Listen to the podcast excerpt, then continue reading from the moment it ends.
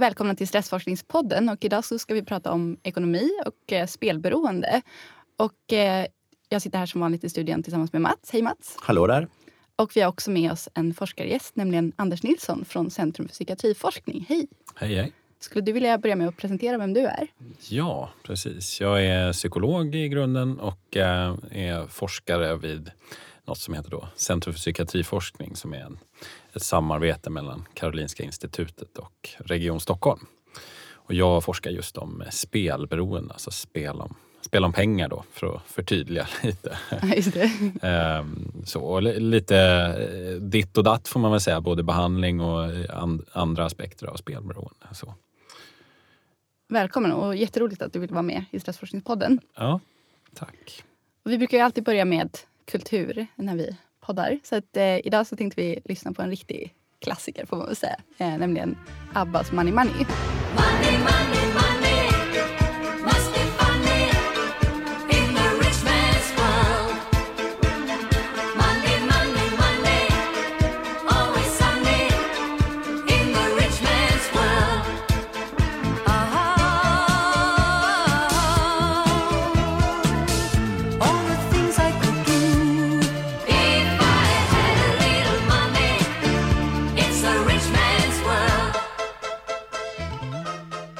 men den här låten måste väl alla ha hört tidigare Ja. gissar jag. Så vad har ni för relation till ABBA och Money Money? Ja, eh, det här, alltså min relation är egentligen orelaterad till spelberoende. Eh, jag, jag var utbytesstudent i Kanada och eh, mina värdföräldrar var såna ABBA-fans. och det var egentligen första gången jag hade tänkt ABBA, det var något gammalt. sådär. Men då spelade de bland annat den här. Och, eh, sådär. Det minns jag väldigt starkt. Liksom, att det alltid var en ABBA ljudkuliss i bakgrunden. i, eh, där, I den här familjen i Kanada. Det var lite speciellt. Visst, visst, visst känns det som det att man blir liksom aldrig så påmind om ABBA som när man är utanför Sverige? För att det är det alla... Eh, ex, ja, så var det väldigt mycket då. Ja, precis. Ja, det stämmer verkligen. Ja. Jag har ingen särskild relation till den där låten egentligen men ABBA fanns ju med liksom i min ungdom ganska mycket. Jag gillade dem inte och jag tror att, inte att det bara var för att man inte fick gilla ABBA. det var verkligen någon slags bannlysning i många kretsar av, av ABBA. Men sen när jag började, ibland spelade man ABBA-låtar i något sammanhang så här själv om, och då fattade jag vad bra låtar det var. Mm. Aldrig liksom riktigt fattat hur de framför eller att det låter särskilt bra. Jag tycker att låtarna däremot är ofta jättebra. Mm. Både Money Money har jag ingen särskild relation till förutom temat som ju verkligen är mycket tydligt där. Verkligen. Mm. Just det. Jag håller med. Jag, tycker att, eh, ja, men jag har nog lite samma relation på något sätt. Att liksom, ABBA har aldrig varit min favoritgrupp eller sådär. Men man får ju verkligen ge dem att låtarna är välskrivna och välgjorda. Och eh, det är ju jättekul Riktigt, att- att riktigt liksom bra. Ja, men de och är, dansa det är och riktigt bra poplåtar. Det är det. Jag tycker också att eh, eh, ja, men i, i eh, relation till det vi ska prata om idag så eh, ja, men den här låten handlar ju om pengar och sen kommer det ju eh, kanske vissa rader som, som kopplar ännu tydligare till det vi ska prata om, spelberoende. Men har ni någon tanke kring eh, varför pengar och kanske då också just spel om pengar har så eh, ja, men varför det förekommer så ofta i, i låtar och i kultur överlag? Har du någon idé kring det, Anders? Oj, ja, det är klart att det- är ju väldigt starkt eh, förknippat med status och framgång. Ehm, att ha mycket pengar, det är liksom det mest konkreta kvittot på, eh, på det. Även kanske orättfärdigt ibland, men eh, jag tänker att det är det som gör att det, det blir så starkt för oss. Vi måste hela tiden förhålla oss till det. Och så. Eh, och inom mitt fält så märker man ju att det här också är värderingar som, för, inte för alla, men för ganska många patienter så är det en viktig eh, delförklaring i alla fall till varför de har problem kan man säga. Att så här, Den här jakten på pengar och jakten på status och så här, att det är väldigt, väldigt stark eh, liksom, identitet för dem, eh, för många. Och då har man tagit vägen via spel, vilket kanske inte då eh, leder i den riktningen riktigt. Men, eh, eh, så. men, eh, men ja, nej men så att jag, jag tror att det är det. Mm, just det. Finns det också, jag tänker den här... Eh, ja, men finns det också någonting i att det är liksom så mycket skam kopplat till att inte ha pengar och att eh, kanske just särskilt vid, vid spelberoende, att det, det gör det på något sätt extra attraktivt ur kulturperspektivet. Att det är lite, så här, det är lite smutsigt fast samtidigt så otroligt åtråvärt. Mm, precis. Ja, så är det ju. Och jag tänker också om man tänker um, amerikansk hiphop och sådär. Där många kommer från väldigt eh, fattig bakgrund. Liksom, och sen så slår de igenom och då visar de väldigt tydligt eh, att, um, att det går bra genom eh, dyra guldklockor och eh, guldkedjor eh, runt halsen och eh, väldigt mycket fokus på det materiella och sådär. Att, ehm, eh, och kanske texterna handlar liksom, det, det, är, det är pengar och brudar. det är oftast det det handlar om.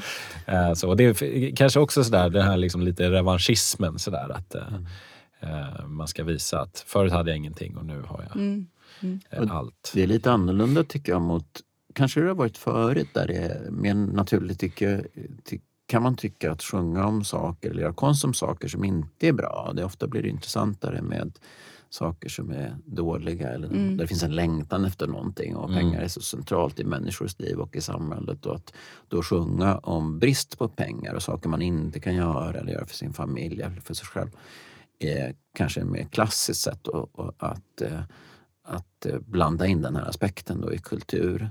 Men sen växer det fram en annan som du beskriver inom hiphopen där, där det Mm. kan bli ett tema också. Att, Mm. Att visa status genom att faktiskt sjunga eller rappa om, om pengar. Mm.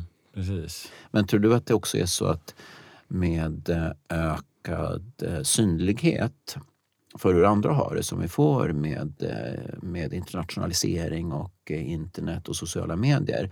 Att det här då kan också öka eh, det här problemet av att inte ha pengar. Vi vet så väl vad andra har. Mm.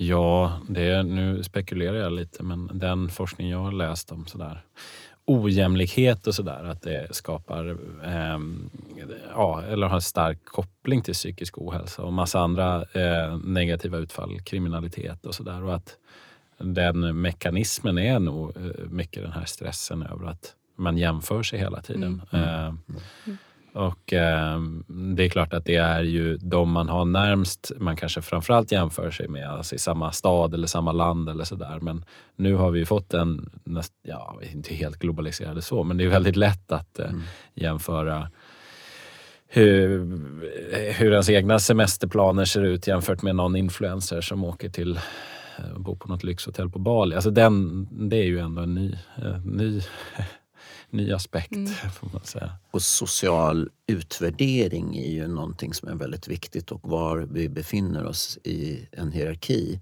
socialt sett. Mm. Det, och det blir ju då tydligt Mm, genom hur mycket pengar man har. precis. Så att den stressorn blir ganska uppenbar tänker jag. Ja. Om man har mindre pengar än Ja. man kanske borde. Verkligen. Ja, ja precis. Vi pratade lite innan vi började spela in också om att, eh, för att det är lätt att hamna och tänka att vi idag skiljer oss, som vi lite nu är inne på med globalisering och sådär. Men, men jag vet att du hade lite exempel på just kulturyttringar som har med spelberoende att göra som, som går längre tillbaks i tiden. Anders, Ja. vill du berätta? Nej, men precis. Det, det är ju inte ett nytt fenomen. Vi, jag tror att om man använder ordet speldjävulen så kan man ju eh, inse att det är ganska eh, har funnits i vår kultur länge. Och så här, mer, sen så finns det ju väldigt tydliga exempel på när det här har beskrivits. Och det som jag tänker på framförallt är Dostojevskij skrev en roman då, som heter Spelaren. Och det är, en, är ju i princip en självbiografi för att man vet att han hade väldigt stora spelproblem. Han spelade bland annat bort sin vigselring. Så Han lyckades överkomma det genom, och sen så blev han, som jag har förstått det, någon slags arbetsnarkoman istället. Eller det var någon sån, Men var det så han behandlade sin, sitt eget spel? Ja, det, det verkar som eh, det. Att han började jobba liksom jättehårt istället. Eh, Och det, att han, eh, och det, och det var ganska tydligt att han inte menade något illa men han gjorde folk väldigt illa genom att spela bort ja, men sin vigselring då till exempel. eh, var ju väldigt sårande då för hans nyblivna hustru och sådär. Mm. Finns det ett samband mellan kreativitet och den typen av problematik som yttrar sig i spelberoende? Vad du känner till? Ehm, nej, det känner jag väl inte till. Det finns ju en del forskning kring kreativitet och andra psykiska, eh, till, eh, psykiatriska tillstånd, schizofreni och sådär. Eh, men eh, inte när det gäller spelberoende vad jag vet. Däremot så finns det ju en, åtminstone en subgrupp eh, här som har ganska mycket impulsiva drag. Eh, och det kan ju yttra sig på lite olika sätt och det kan ju för en del vara att man, man då eh, på ett sätt är kreativ också. Då. Eh, så. Mm. Kommer att tänka på en anekdot om, en sann anekdot råkar jag veta, om Cornelis Vreeswijk. Han, han skrev ett kontrakt med eh, Philips tror jag i Holland. Och då fick han bra mycket pengar. Som han, han brukade ofta ha pengar i påsar. och eh, nu hade han, kom han till Schiphol, flygplatsen, med, sitt, med massa pengar. Och då gjorde han av med bra mycket på en extremt dyr penna rakt på flygplatsen Mm. innan han kom hem till Sverige. Just det. Otur. Just det. Ja, lite impulsivt. Något impulsivt. Ja, Jag hade ångrat det kan jag bara Ja, dela ja, lyssnarna om någon undrar. man får väl hoppas att det var värt det. Ja, jag tror inte det. Finns det ännu äldre exempel? Ja, nej men det gör det. Och det finns framförallt så finns det ju beskrivet i så här lagtexter och sådär. Gamla så här romerska lagar och svenska såna här, eh, landskapslagar. Ehm, och även i Kina finns det exempel på det. Ehm, och det har då handlat om att man har ju förstått att folk eh, som spelar eh, kan råka illa ut. Eller de kan, eh, det är oftast då den här romerska lagen, det handlar ju då om romerska legionärer som eh, spelade så mycket liksom, tärning att de glömde bort att träna och eh, glömde till och med bort att äta och sådär. Och då är det klart att eh, liksom, kejsaren eh, tyckte att mm, vad håller ni på med? så här, nu, det här måste vi förbjuda så där, för att ni är ju mina liksom, tjänare som ska eh, kriga eh, och försvara oss och sådär. Ehm, så det finns en hel del sådana exempel och det visar ju att ja, spelberoende är inte, alltså diagnosen är kanske ja, ungefär 40 år gammal ehm, eh, i sin nuvarande form. Ungefär, ungefär ja, det har ändrats lite. Men eh, eh, fenomenet är ju betydligt äldre än så. Eh, så. Men eh, tidigare har man nog mer sett det som bristande moral snarare än ett liksom, sjukdomstillstånd eller en psykiatrisk diagnos. Där. Det är väl eh, 40 år gammalt ungefär. Men, Just det. Bra. Jag, jag tänkte koppla tillbaks lite till den där låten som vi började med. För det finns ju en, eh, en strof där som, som säger So I must leave, I'll have to go to Las Vegas or Monaco and win a fortune in a game. My life will never be the same. mm, Ehm, och eh, det är ju, ja, men, det är ju liksom den, mest, eller den raden som stämmer allra mest in på det vi ska prata med dig om. mm. Ehm, och du, du har ju redan varit inne på det lite men jag tänkte ändå att vi ska börja från början. För att liksom, vi har slängt oss med termer som spelberoende Mm, och du mm. började komma in där på en förklaring vad det är. ehm, hur man har sett på det och så. Men eh, om man ser på spelberoende idag då. Hur skulle man, eller vad är det och hur, hur definieras spelberoende? Ja, spe, ja precis. Eh, nu ska jag försöka hålla mig kort här. För det är alltid så här med definitioner att man kan grotta ner sig ganska mycket. Men eh, det som, den diagnos som vi oftast använder då, det, det, då heter den faktiskt hasardspelssyndrom. Eh, och eh, då finns det då nio tydliga kriterier för det och det, det liknar ganska mycket såna här andra beroendetillstånd. Eh, och det är liksom en ökad upptagenhet, att man har svårt att sluta och att man, eh, det går- får negativa konsekvenser och sådär. Ehm, och eh, man ska uppfylla fyra av de här kriterierna då. Och det är väl det vi brukar, alltså det, det, det, den termen hasardspelsyndrom, det och spelberoende är väl ungefär samma sak. Ehm, och sen brukar vi då som forskar om det här ehm, också prata om spelproblem. För det blir ett lite mm, vidare begrepp då och rör lite fler människor. Om man säger att den här diagnosen då, spelberoende eller hasardspelsyndrom, det kanske är ungefär gissningsvis en halv procent eh, av befolkningen som har den typen av problem. Men om man lägger till de som har ganska tydliga eh, tendenser åt det hållet och kanske får negativa konsekvenser av sitt spelande och har svårt att sluta ibland men inte riktigt, då, då lägger vi till någon eller ett par procent. Och då brukar vi prata om hela den gruppen som att de har spelproblem. Då. Eh, Så, så så ser det ut. Och då är vi uppe i ja, 1,5-2 procent av befolkningen ungefär. Och sen ska man ju då lägga till att det finns ytterligare då som har någon riskfaktor och sen finns det då anhöriga som, eh, Eh, och närstående som, som drabbas av det här också. Då.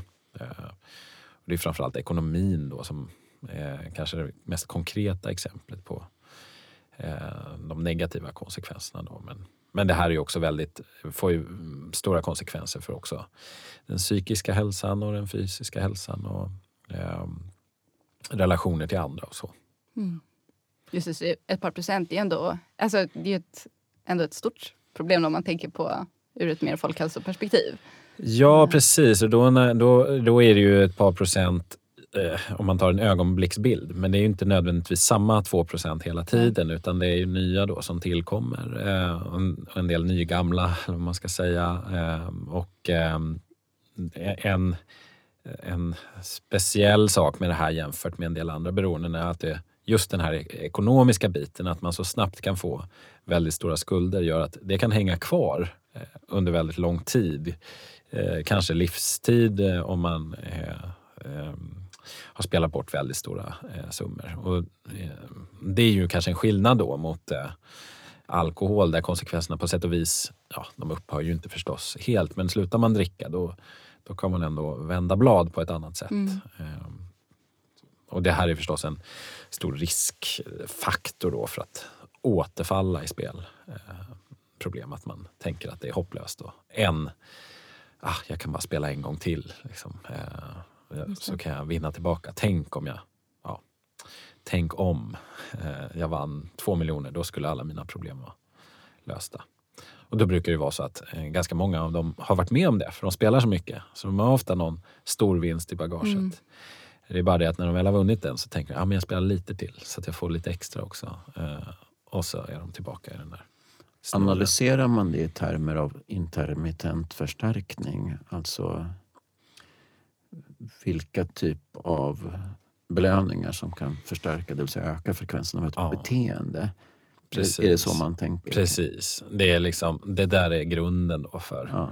just intermittent förstärkning är ju väldigt tydligt i spel för att det är, eh, vinsten kommer ju då mer eller mindre slumpmässigt. Eh, och det är ju en väldigt om man ska prata om den aktiva substansen så är det den intermittenta förstärkningen. Alltså det som gör att Ja. vi, vi dras till spel. Och det gäller ju inte bara de som har problem då, utan det gäller ju eh, även vi andra. Alltså det är ju ekonomiskt eh, finansiellt irrationellt att spela. Eh, men, men den där ja, slumpen att någon plötsligt händer det är ju det som...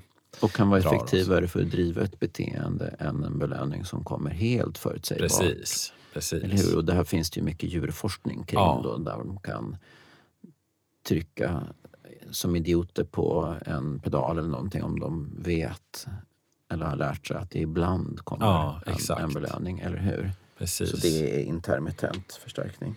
Precis, och det, det är ju faktiskt så att eh, man pratar liksom längre tillbaka i tiden, den här eh, förgrundsgestalten när det gäller KBT och eh, liksom behavioristisk forskning, Skinner, han, han gjorde ju sådana experiment med duvor bland annat. Och, och då eh, pratade han ju om det i termer av lotteri och kasino. Så han hade ju en, väldigt tidigt en och beskrev också att ja, men just det, det, det var väl liksom ett sidofynd för hans del på ett sätt. Att just det, det här är ju som spel om pengar.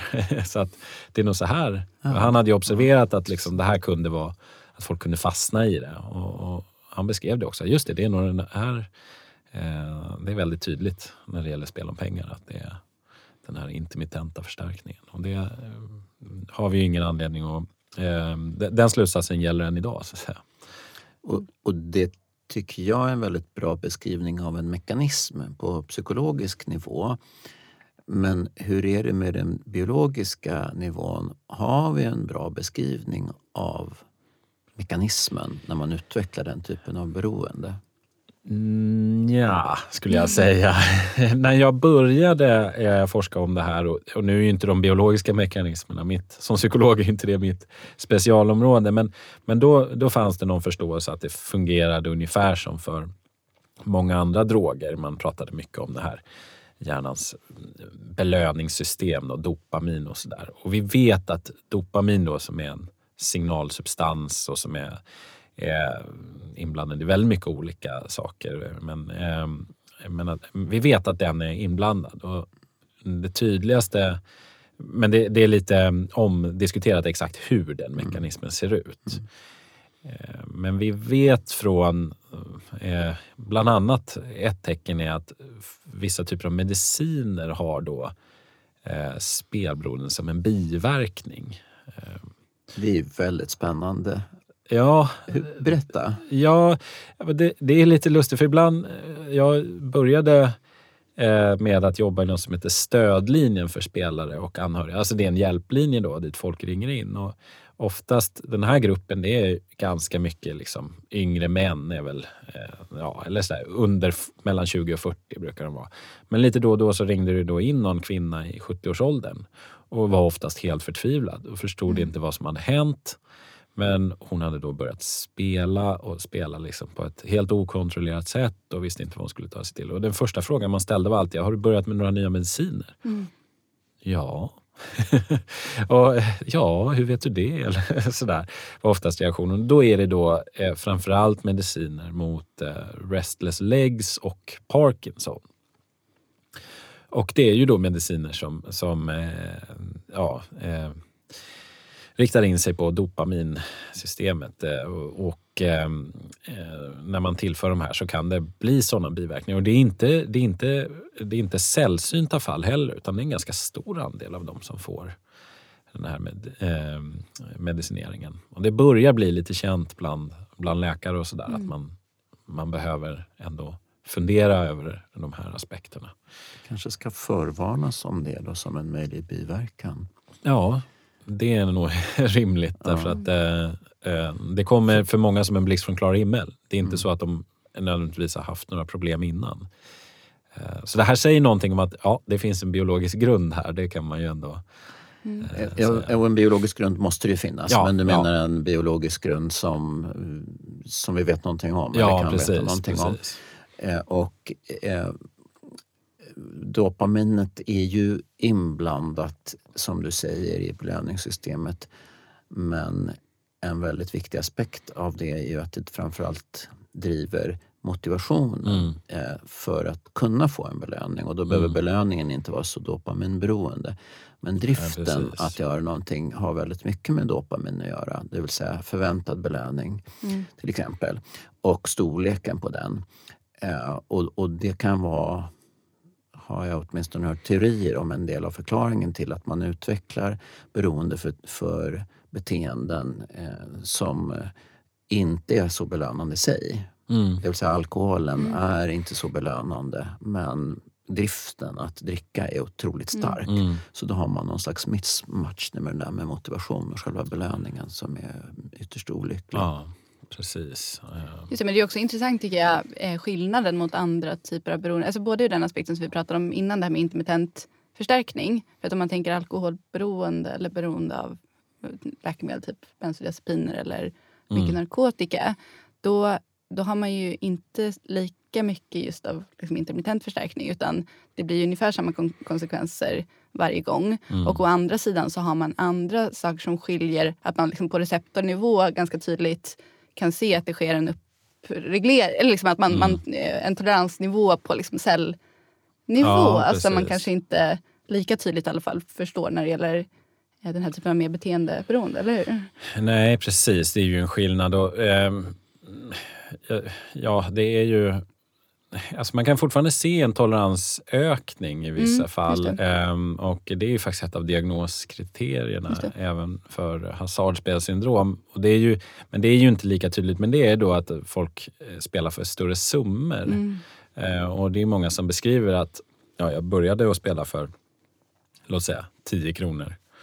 Eh, och sen så höjde jag till 100 kronor och nu är jag uppe på ja, 10 000 kronor per match. Så skulle jag spela för 10 kronor, det skulle inte vara det skulle vara helt meningslöst för mig. Jag skulle inte känna någonting eller jag är inte intresserad av det. Så där är någon slags eh, toleransökning ändå. Eh, men det är klart att den är svårare. Och, eh, ja, det finns vissa sådana aspekter som skiljer sig åt eh, lite grann. Även abstinens är ett sånt där fenomen som är lite svårare att se då i spel. Eh. Alltså det, det finns ju folk som beskriver det, men det är också och det är väl, men det är väl framförallt då kanske i form av intensiva påträngande tankar på spel och lite, spel, lite så spelsug som kanske någon, ja, lite craving sådär men, men eh, inte riktigt det här. Det går inte att jämföra med någon som har ett heroinberoende Nej. eller så. Ehm, och det är inte kanske... Det finns de som säger att ja, men jag spelade för att bli av med speltankarna. Eh, Men det är inte så som för en del andra narkotikaberoende och sådär. Då är det ju väldigt tydligt att det är det som driver beroendet. Att liksom bli av med den här abstinensen kan vara en väldigt viktig eh, del. Och riktigt så är det inte med spel. Och det är lite sammanblandat också. Eh, Om man har spelat bort, låt säga 100 000 på en natt så finns det en viss stress kopplad till det som man kanske vill då glömma bort och då spelar man igen. Och, eh, så. Jag flikar in en till fråga här. Eh, på det temat, eller det du nämner nu, om man spelar bort så mycket pengar till exempel på en natt. Man, man har den här drömmen om att, att spela så att man kommer upp på plus igen. Mm. Och om jag har förstått det rätt så har det inte funkat riktigt att sätta begränsningar eh, för högriskspelare, hur mycket pengar de får använda. Kan det vara så då att de, då tar man bort deras dröm och möjlighet att liksom spela sig upp till en vinst från en tidig förlust? Eh, Det är en väldigt spekulativ. ja, du menar... Ja, ehm, Jag vet inte om det stäm, stämmer att man inte har lyckats, eh, lyckats med såna här begränsningar av insatsen. För det första. Alltså, det, det, för en del personer funkar ju det ganska bra. Ehm, det finns ju sån här spelpaus nu som gör att man då ska stänga av sig från alla, kan stänga av sig från alla licensierade spel och sådär. Men det är klart, de är en ganska svårt beroende. De tenderar att hitta andra vägar att spela. Ehm, det finns ju olicensierade bolag som man kan hitta liksom på nätet med några googlingar och eh, sådär. Men jag tror att det här harm reduction-perspektivet, det funkar väl bäst för de som är, skulle jag tro, de som kanske inte har de mest allvarliga problemen. Så kan man väl säga. Ehm, Så det är klart att eh, det finns en, eh, det finns en grupp som eh, tenderar att liksom, ja, spela väldigt mycket oavsett vilka begränsningar man har. Så. Eh, Men, men det, det är lite komplext det där. Det, det är klart att den här drömmen om storvinst lever för många hela tiden. Men det är inte det enda. Det är många andra processer igång också. Alltså ett av de, och det tydligaste exemplet på det är ju att ett av de, innan nätspelen tog över så mycket så var det mest beroendeframkallande spelet så här Vegas-maskiner som ni Alltså sådana spelautomater som finns på pizzerior och sådär. De är ju otroligt beroendeframkallande också. Men där är eh, nu vet jag inte exakt vad högsta vinsten är nu, men länge var det ju 500 spänn. Och det är klart att då är det någonting annat än drömmen om ekonomiskt oberoende eller sådär som, eh, eh, som driver. Um, Just det, det spelarna. kanske är mer den omedel- omedelbara belöningen där i, ja, i någonting. Ja. där Jag har minns vi väl känslan när jag fick en jackpot som nioåring eller någonting på en sån där apparat i Ålborg. Just det. Och det bara sprutade ut såna här 25-öringar med hål i.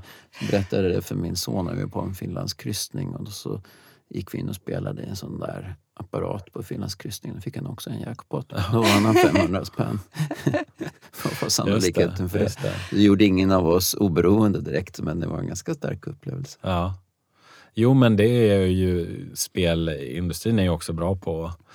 eh, Det är ju en liten eh, katt och råtta-lek mellan myndigheter och spelindustrin hur man eh, får jobba med den typen av, om man säger belöningar eller eh, saker som ska locka till spel. Eh, Det är mycket, på nätet är det också mycket sån här man kan få bonusar och free spins och sådär. Och det är ju föremål för diskussion då, hur mycket de får erbjuda. Man vet också en, en lite sådär speciell grej med spel är ju det här eh, det kallas ja, near miss effekt eller typ knappa förluster eh, på svenska. Och det är ju då, ja, det klassiska är ju att man om man typ på, i en sån spelautomat då till exempel får typ tre citroner och sen så rullar på den fjärde liksom hjulet så rullar citronen förbi och så ser man överkanten av den men det blir istället typ en klöver eller körsbär eller vad det nu är.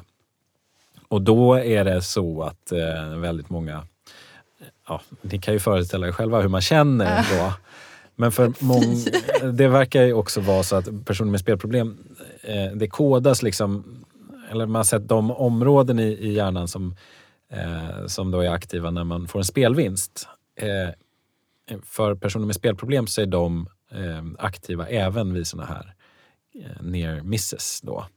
Det är det inte för i lika hög grad för personer utan spelproblem. Så att man kan säga att liksom, man blir liksom då lurad, eller många med spelproblem blir då lurade att de vinner oftare än de faktiskt gör. Då. Eh, Vad djävulskt. Är de programmerade så de där apparaterna? Eh, så att man ska få ner Ja, misses? alltså. Det finns faktiskt lagstiftning eh, kring det där, att de inte ska vara det. Eh, och att, eh, men eh, åker ut, åker, eller, spelar du på ett eh, olicensierat bolag är det nog garanterat så att de här near misses kommer oftare. Och det kan ju vara rätt svårt för myndigheten misstänk, mm, ja, att kontrollera alla spel och sådär. Och eh, spelautomater utomlands är garanterat, jag tror någon uträkning på spelautomater, om det var i Las Vegas eller sådär, att det var sju gånger vanligare med near misses än vad det borde vara om man rent Fy Fan, statistiskt. vad taskigt. Så det finns ju sådana där eh, olika knep de har och eh, olika sätt att man eh, också... Eh, finns en, eh, ett annat, nu babblar jag på här, men det är ett fenomen som heter losses disguised as wins. Och det är på när man spelar spelautomater på nätet så kan man då spela flera spel samtidigt. Eh, det vill säga man, man eh, trycker på ett sätt så att man kan vinna på fem olika sätt. Det är lite krångligt men det traditionella är ju att man vinner på en rak rad, liksom att det är fyra, fyra körsbär eller fyra sådär. Men här, kunde man då, här kan man då vinna på massa olika kombinationer. Men det innebär att om du spelar fem spel samtidigt och så förlorar du fyra och vinner en. Då just det. signalerar spelet att du har vunnit. Vilket du har, men du har ju också förlorat fyra gånger. Mm. Så att eh, det blir väldigt förvirrande då, för då upplevelsen är, om du bara tittar på det visuella och eh, ljudet så är det upplevelsen att ah, nu vann jag. Men tittar du på din, eh, di- ditt konto så ser du att ah, vänta, det går ner. Jag har mindre pengar. Så det där är ju också en sån här... Eh, det, det finns ju många tricks eh, eh, så, som man kan använda för att öka folks benägenhet att spela. Eh, så. Det är galet. Hur mycket man spelar. Eh, så. Bra. Jag, jag tänkte att vi ska prata kanske lite om... om du näm, jag har liksom nämnt så grupper som spelar riktigt mycket och Mm. den här med spelberoende.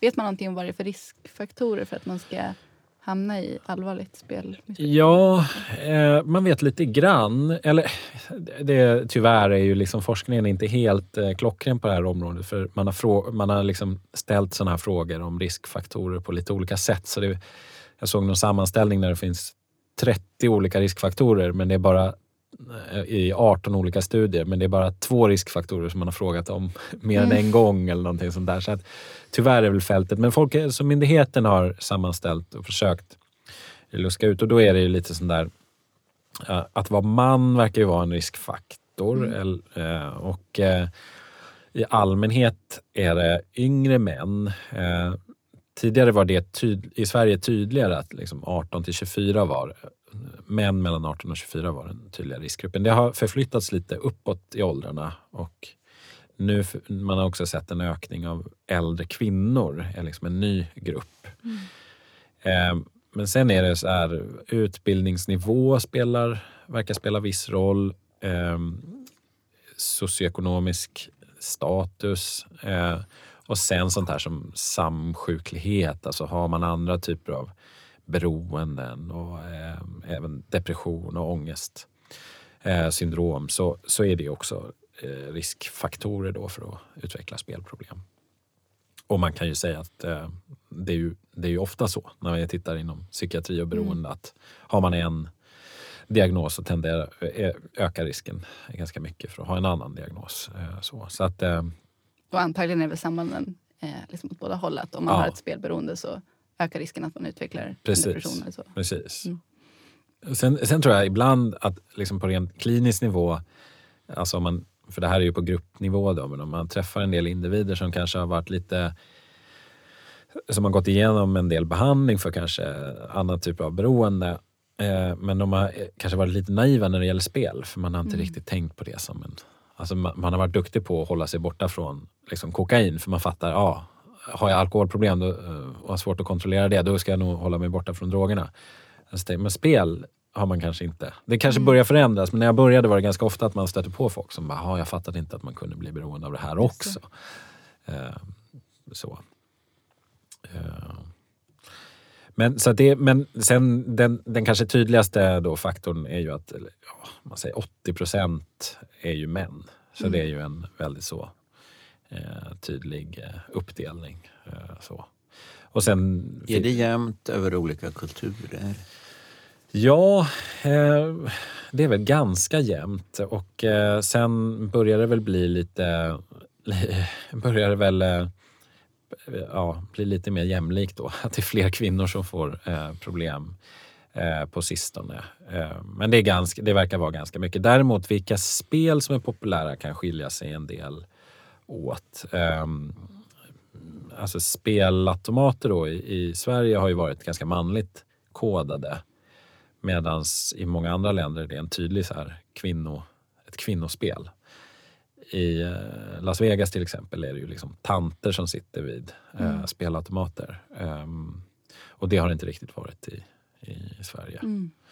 Och sen nätkasino är ju ganska eh, förmodligen lite mer jämlikt på ett sätt. Men där, det är också så spelbolagen har insett att de ja, viss typ av liksom väldigt macho marknadsföring då har de, när de har kört med det så har de missat vissa grupper då. Eh, och då har de ju tagit fram speciella hemsidor då eh, för, för kvinnor kan man säga. Eller som riktar sig till kvinnor och kanske äldre kvinnor och så. Men som har samma programvara eh, men en, en annan utformning och eh, så.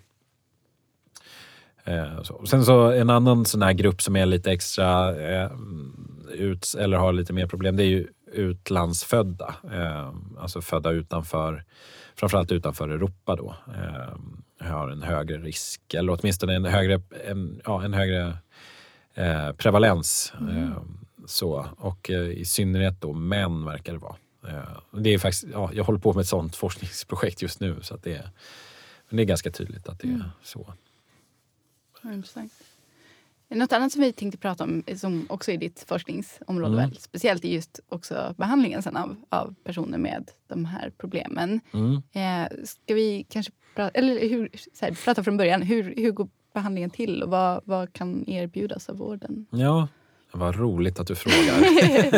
jag är precis, eh, får passa på att göra lite reklam då, för jag har precis släppt en, jag och min kollega Viktor Månsson har precis släppt en behandlingsmanual för, att, eh, för behandling av eh, spelproblem. Så att eh, lite kan jag väl. Eh, nej men det, det som väl framförallt eh, den behandlingsmetod som är vanligast och som har mest evidens är ju KBT då, eh, kognitiv beteendeterapi. Och sen finns det viss evidens för eh, motiverande samtal, då, MI, som ju är ganska vanligt inom beroendefältet och som är en eh, liksom, lite mer kortare insats där man försöker locka fram eh, ja, liksom klientens egna motivation genom egentligen inga särskilda interventioner utan en listig samtalsteknik. Så. Och sen finns det sådär 12 steg, det finns lite psykodynamiskt också, men man har inte forskat särskilt mycket på det. Eh, lite grann på 12 steg, men eh, det är fortfarande väldigt begränsat med forskning. Men det, det är nog, i praktiken är det nog många som eh, använder 12 steg också. Eh, så.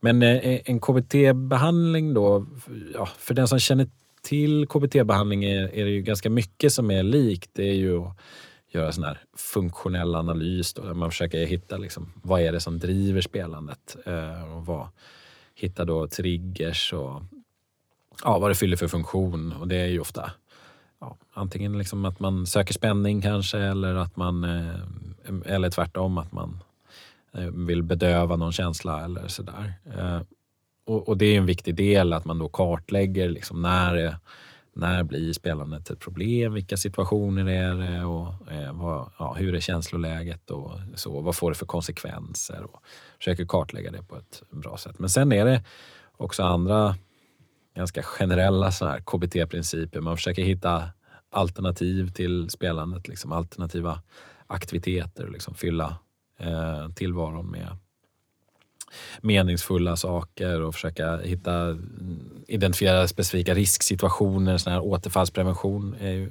viktigt. Sen det som är kanske, om man ska plocka ut något som är lite specifikt för spel eller som åtminstone, och som har varit väldigt stort fokus åtminstone tidigare, det är ju att man pratar mycket om så speltankar och tankefällor. Och det är ju, eh, var kanske ännu mer poppis för så här 15-20 år sedan. Men, ehm, men det där är ju ändå ett bidrag som är ganska unikt för eh, spelberoendefältet. Eh, för det finns ju väldigt mycket... Mm, alltså vi, vi, är generellt inte så jättebra på det här med slump och sannolikheter. Och det finns väldigt mycket sån här... Ehm, ja, rätt, eh, helt enkelt felaktiga föreställningar om spel och tur och sådär. Och det är allting från att ha på sig turkalsonger till att knacka i bordet till att, eh, som får ganska stor betydelse då, eller kan få ganska stor betydelse för att man eh, utvecklar spelproblem. Och det där, det där gäller ju, alltså alla skulle jag säga är dåliga på att beräkna sannolikheter och eh, förstå sin egen roll i sådär. Men, men det där försöker man jobba lite extra med då. Ehm, och liksom, man försöker få en förståelse då för att eh, nej men att du har på dig de här eh, strumporna kommer inte påverka hur Liverpool spelar. liksom. eh, eller vilken form en viss häst är i eller sådär. Och det där förstår folk när man pratar, oftast när man pratar med dem i behandlingsrummet. Men i stundens hetta så kan det vara eh, ja, väldigt så automatiska tankar. Då, det. man, så det gäller att lära sig att förhålla sig till dem på något eh, liksom vettigare sätt. Då. Eh, så. så det är väl en, en sån eh, del av behandlingen som är vanligt. Eh, så. Och, ehm, en vanlig behandling brukar vara kanske 8-10 sessioner ungefär, tänker man. Eh, och ehm, eh, sen, sen finns det mm, ofta en vits att kanske ge anhöriga och närstående ett stöd också. I viss mån kanske blanda in dem i behandlingen också om det är möjligt. Eh, till exempel genom att Ja, men det finns mycket vunnet på att man kanske mm, förklarar lite vad spelproblem är och ehm, hur det, att det inte liksom bara handlar om just bristande moral och, eh, men också hur man kan stötta på ett bra sätt. För det är lätt för anhöriga att hamna i en sits där man kanske vill hjälpa till eh, och då till exempel betalar av skulder och sådär som kanske inte alltid är rekommenderat då för att mm, bidrar man då till att kanske till att problemen fortsätter. Så. Ehm, så ungefär så ser en behandling ut. Då. Ganska ofta så är det, eh, kan det vara gruppbehandling också. Mm. Och det finns ett ganska stort värde i det för att många eh, tycker att det är otroligt skönt. Det är otroligt jobbigt med tanken på gruppbehandling. Men det är otroligt skönt för de allra, allra flesta att eh, hamna i ett sammanhang där andra har upplevt samma sak. För de upplever sig otroligt ensamma och eh, väldigt mycket skam och skuld. Och eh, för mig då som jobbar med det här hela tiden så tänker jag att eh, det här känner väl alla till att man kan bli beroende av. Och det har jag just skrivit så mycket om. Men det finns verkligen mycket att göra. Det är många som eh, ja, verkligen känner att de är dumma i huvudet och det är fel på dem. Och, eh, sådär. Så bara då att se och höra folks berättelser eh, som liknar ens egna. Och det är en otrolig lättnad för väldigt många.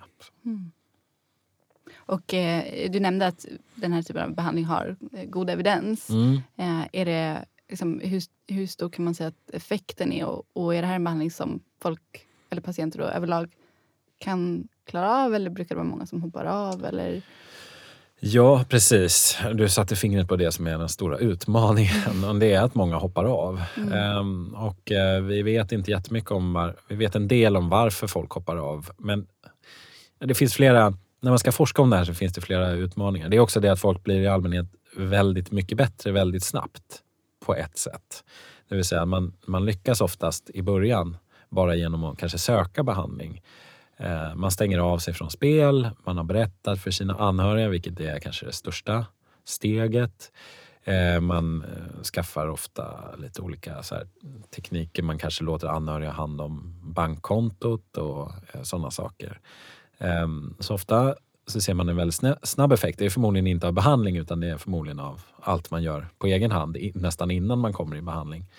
Ehm, men det gör också att men sen är då risken väldigt stor för återfall. Så. Eh, och för många blir det väldigt demoraliserande och eh, ja, det kan vara en utmaning då. Eh, sådär. Och, det, och då återkommer liksom den här skammen och skulden. Och då är det många som verkar känna att det är liksom skam och skuld gentemot behandlaren också. Och så. Och i kombination med att många antingen kanske alltid har haft, men, men och inte minst så får man ett väldigt rörigt liv om man har väldigt stora skulder. Kanske behöver se över ens bostad, alltså riskerar att bli vräkt, alltså blir av med jobbet för man har förskingrat pengar. Alltså den typen av, som kanske gör att man inte prioriterar behandling heller riktigt. Man har rätt mycket annat sådär. Så det, det är en utmaning att det kanske är ja, mellan 30 och 50 procent ofta hoppar av behandling. Eh, så. så att när man pratar om effekt, det går att ta fram sån här effektstorlekar och sånt där. Men det är lite svårt att säga vad, vad som är vad. Det är väl det som är eh, problemet. Men KBT får ändå betraktas som relativt väl utforskat och inte minst flera studier här i Sverige. Både, både, eh, ja, eh, både som man kallar face-to-face behandling, alltså i ett eh, behandlingsrum men också eh, då internetbehandling finns flera studier på som visar eh, god effekt och så. Och eh, det, det är, på ett sätt är det väldigt tacksamt. Väldigt många blir ju eh, Eh, det blir liksom en uppenbarelse för dem när de får höra att Jaha, det här är ett riktigt problem. Och du, det finns fler med det här problemet och sådär. Men, eh, och, och det kan vara ganska angenämt att jobba med för man ser effekten ganska snabbt och så. Men sen är ju då återfallsrisken ganska stor. Det är den man får fortsätta jobba med kanske ja, under väldigt lång tid eh, egentligen.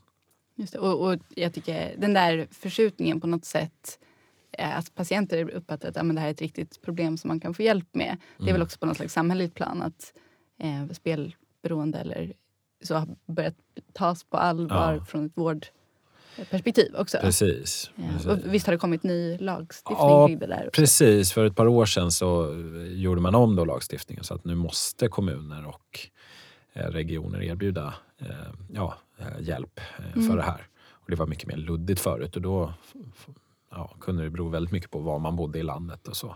Så att nu ska man få det överallt i landet och så. Så att det är ju jättestor skillnad också. Och får Alltså. regionen då besluta vilken typ av behandling det ska vara? De har ju Socialstyrelsens riktlinjer då, eller kunskapsstöd att förhålla sig till och eh, det är ju KBT då som eh, de anger. Och, eh, Som förstahandsval Ja, eller precis. som enda rekommenderade? Egentligen som enda rekommenderade kan man väl säga. Man säger att det är KBT eller KBT och MI. Så att i det här kunskapsstödet så eh, andra utländska kunskapsstöd har lyft fram KBT eller MI. Att man kan ge bara MI. Men Socialstyrelsen säger då antingen är det KBT eller så är det KBT och MI, inte bara MI. Eh, Så. Och jag tror att de flesta eh, regioner följer det. Eller jag skulle säga att alla regioner nog följer det. Sen erbjuder ju kommunerna behandling också. Fast det är lite, kanske inte alltid kallas behandling. Men så. Och där är det väl oftast KBT skulle jag säga. För det är de manualer som finns på svenska och eh, det är den traditionen som har funnits redan från början i Sverige. Men det är ju klart att många där är ju utbildade i andra traditioner också. Så att eh, det kan vara lite mer lotteri vad man får för behandling där tror jag. Mm. Eh, så. Jag tänker att vi kanske ska lyfta perspektivet ännu ett steg nu. Från, eh, för vi har pratat om spelberoende och sen så tänkte vi prata lite grann generellt sett om ekonomi och finansiell stress och eh, liksom ekonomiska problem. Och jag tänkte börja med att outa mig själv som en musikalnörd och ta ett annat kulturexempel Ja. som relaterar till det. Låt höra. Eh, så jag tänkte att vi skulle lyssna på lite, eh, en, en bit ur If I were a rich man från Spelman på taket. Dear God, you made many, many poor people. I realize, of course, that it's no shame to be poor, but it's no great honor either. So, what would have been so terrible if I had a small fortune? If I were a rich man.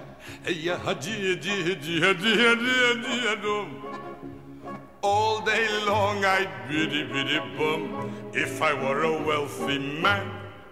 I wouldn't have to work hard. If I were a bitty bitty rich, idle diddle diddle diddle man.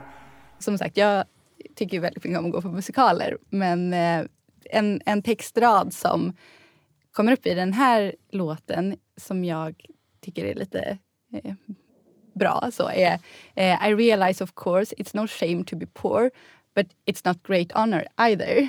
Um, och det är ganska många såna här liksom, roliga poänger tycker jag att Tevye där sjunger om um, hur, ja, vad han skulle göra om han var rik och också um, ja, men hur, hur lätt livet skulle vara om, om man hade pengar. Eh, och om man då inte tänker på spelberoende utan mer överlag personer utan spelproblem. Eh, hur, hur vanligt är det med liksom, oro för dålig ekonomi eh, både hos, ja, men i, i stort och hos personer som kanske då eh, antingen har eller inte har en, en faktisk ekonomisk problematik. Har ni någon känsla för det? Just nu känns det ju som att det är en ganska stor del. När vi spelar in det här så är det ju verkligen höga eller ökande priser på det mesta. Och, eller hur? eh, att många liksom får vända slantarna. Sen är det inte alltid det kanske är, är kopplat till den faktiska ekonomiska situationen men det är också en osäkerhet Ja. vad som kommer att hända. Så, ehm, men det är väl ehm, det är väl säkert en stor del av ehm, jag tänker också när man har så här ökande klyftor som vi har haft i Sverige under ganska lång tid, eller sedan 80-talet någon gång, så är det blir ju liksom, eh, även om man rent faktiskt inte får sämre, nödvändigtvis får sämre ekonomisk status, så, så jämför man sig då med, med andra eh, väldigt mycket, vilket säkert kan vara en stressor för många. Och, så här. Har man barn som inte då kanske har råd att ha riktigt de finaste kläderna och man oroar sig för hur det kommer påverka dem eller kan inte vara med på aktiviteter eller eh, sådär.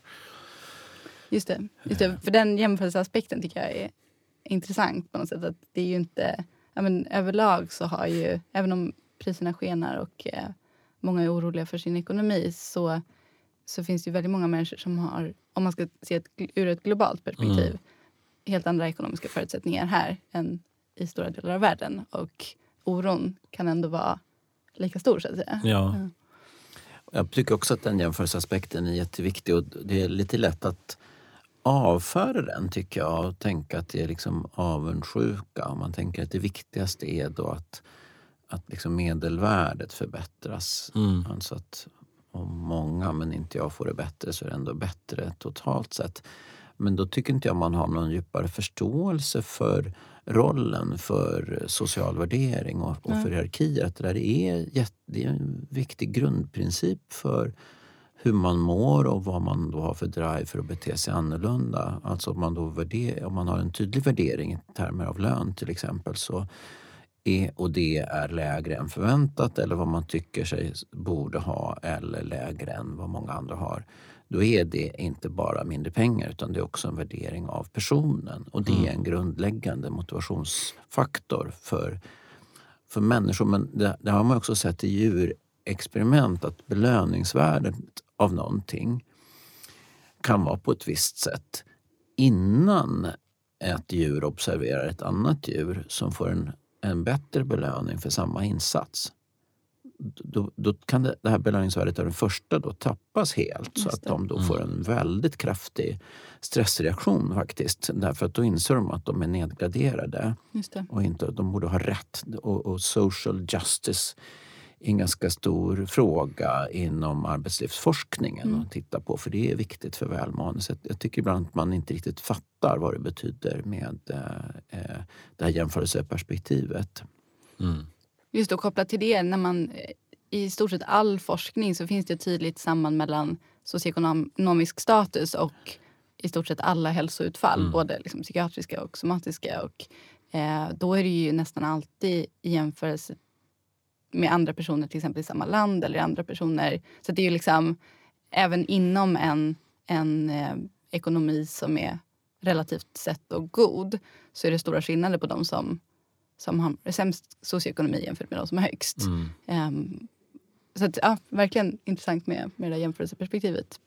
Ja, men precis. Det, fi- det finns ju en del, det är ju ganska många eh, eh, liksom utfall som påverkas av just eh, om det är stora skillnader ekonomiskt. Och det är ju som du säger psykisk, den psykiska hälsan och sådär. Men även som jag har förstått det kan eh, till exempel brottslighet liksom vara påverkat av Mm. eh, hur det ser ut i ett samhälle med, med ojämlikhet och så. Och, eh, det är kanske ingen slump då att, nu är jag inne på liksom kriminologi, vilket inte är mitt specialområde, men det är kanske ingen slump att sådär extremt ojämlika länder som eh, Sydafrika och Brasilien och i viss mån USA har så höga eh, liksom brottslighetstal jämfört med ja, både en del av deras grannländer men också andra jämförbara länder. Trots att de inte är liksom de fattigaste länderna. Eller Så. Ehm, Så att, eh, det verkar ju finnas någonting i det här ehm, stora ojämlikheten som, som, skapar, som skapar problem på olika sätt Mm. oavsett eh, ja, vad, man- vad man, liksom de faktiska ekonomiska Mm. omständigheterna ibland. Ehm, Så. Och det verkar ju också finnas någonting i, i svängningarna. Um, ja, men, beroende på om ett land befinner sig i hög eller lågkonjunktur Mm. eh, så har det också effekter. Även om det liksom också är då en inomlandsvariation kanske i viss utsträckning. Eh, för visst finns det ett samband där till exempel mellan eh, hur konjunkturen går och sjukskrivningstal och sådana saker. Jo, det gör det, men eh, jag ska också säga att det inte är riktigt min, min expertis. Nej. Då, men eh, den, det sambandet verkar inte vara riktigt i förväntad riktning. Då, Nej. för under lågkonjunktur så, så kan sjukskrivningstal faktiskt minska. Det kan bero på flera faktorer som är, är mer samhälleliga än som har med hälsan att göra. Så att även om finansiell stress och oro eh, har ett starkt samband med hälsa, olika typer av hälsoutfall på, på ett mer generellt plan så kan de här sjukskrivningstalen till exempel då ändras åt det oförväntade hållet när man går in i en lågkonjunktur. De kan alltså minska och då kan man tänka sig att det är kanske då mer eh, friska individer som, eh, eh, som jobbar, att man kanske inte vågar sjukskriva sig, att man eh, det kanske finns en överflyttning till vilka som studerar istället för att arbeta. Så att det, finns jätte, det är ett komplext samband det där med sjukskrivning och, och konjunktur, Mm. finansiell stress, Mm. Som jag förstår det. Just det. Jag tänker att- en, en liten detalj för att koppla tillbaka till spelberoende. Det är ju hur så här lotterispelande, det har ju funnits, lotterier har ju funnits väldigt länge och under liksom massa börskrascher genom åren. Och det där det ser lite olika ut men det tenderar ju att folk tenderar ju att öka sin, sitt, sitt lotterispelande eh, under då finansiella Mm. kriser. Då. Det stämmer inte alltid. Eh, Men, eh, men det där verkar ju vara att så här, när man är då arbetslös eh, eller, eller lever på marginalerna så kan man ändå ha Ja, någon, det finns någon slags rationellt då med att enda, enda eller ja, rationellt är det ju inte, men, men ändå en förhoppning om att så här, det- är det här jag har. Det är det här jag har att hoppas på. Så här. Man förstår det känslomässigt Ja. och rent rationellt så det enda, man vet att de flesta förlorar Ja, på det. precis. Så, att- 98, så, så det är ett bra 99% sätt att veta att man får sämre ekonomi Ja, att använda ja. pengar på spel. Men Precis. man har den här drömmen om ett annat liv. Precis. Begripligt ur ett mer emotionellt perspektiv. Ja, Eller hur? Och samma sak, eller det kopplar ju återigen tillbaks till liksom de där textraderna ur ABBA-låtarna. Så, ja, men, om ekonomin är åt skogen Mm. så drar man till Las Vegas och Ja, på vinna. eller försöker skaffa en rik man. Ja, just det. Det är ju det andra lite- alternativet. det. ja, det, det kan vi Kanske diskutera i inte ett mina annat avsnitt. favoritrader i, i den där texten. Nej, inte det heller. Just det, precis. Men, eh, det finns väl också sånt där att under lågkonjunkturer så är det vissa Alltså man drar ner på mycket men vad jag förstår så här, bagerier brukar gå bra. och Så här, konditorier och sådär för att man, så här, man unnar sig då. Eh, och Systembolaget eh, försäljning brukar gå upp så här, för att ha vin. Så här, för istället för att då dricka vin på krogen så dricker man hemma. det. Är lite billigare. Och istället för att jag vet inte, åka på semester till Kanarieöarna så tar man en eh, massarin eller en vetelängd. Så. Eh, Just det, där kan man ju också tänka sig en massa kopplingar sen då till hälsoutfall. För att man börjar kanske göra saker som är på sikt sämre för hälsan. Mm, Ja. Just det. Ja, men det, kan man ju, det är ju fullt förståeligt. Att det, det är liksom, har man det knapert så... äh, Jag tänker lite det här med rökning som är en klassisk. Mm. Så att det är väldigt kopplat till socioekonomisk status. det. Det. det finns folk som har forskat om det här och kan säga smartare saker. Men jag tänker att det kanske är det. det finns, där finns en, någon slags lite tillgänglig ja, belöning eller njutning lite grann. När ganska mycket annat är otillgängligt. Så. Mm. Så det går att förstå lite ur det perspektivet. Verkligen. Jag. Verkligen. Bra. Jag, jag tänker att vi ska börja avrunda där eh, efter det här jättespännande samtalet. Mm. Eh, så med det skulle jag vilja tacka dig Anders för att du var med idag och tillförde så mycket kloka ord Ja, till tack så Stressforskningspodden. mycket. Ja, tack Väldigt för att jag fick eh, komma hit. Och Tack så mycket och tack Mats igen. Vi hörs Mm. snart.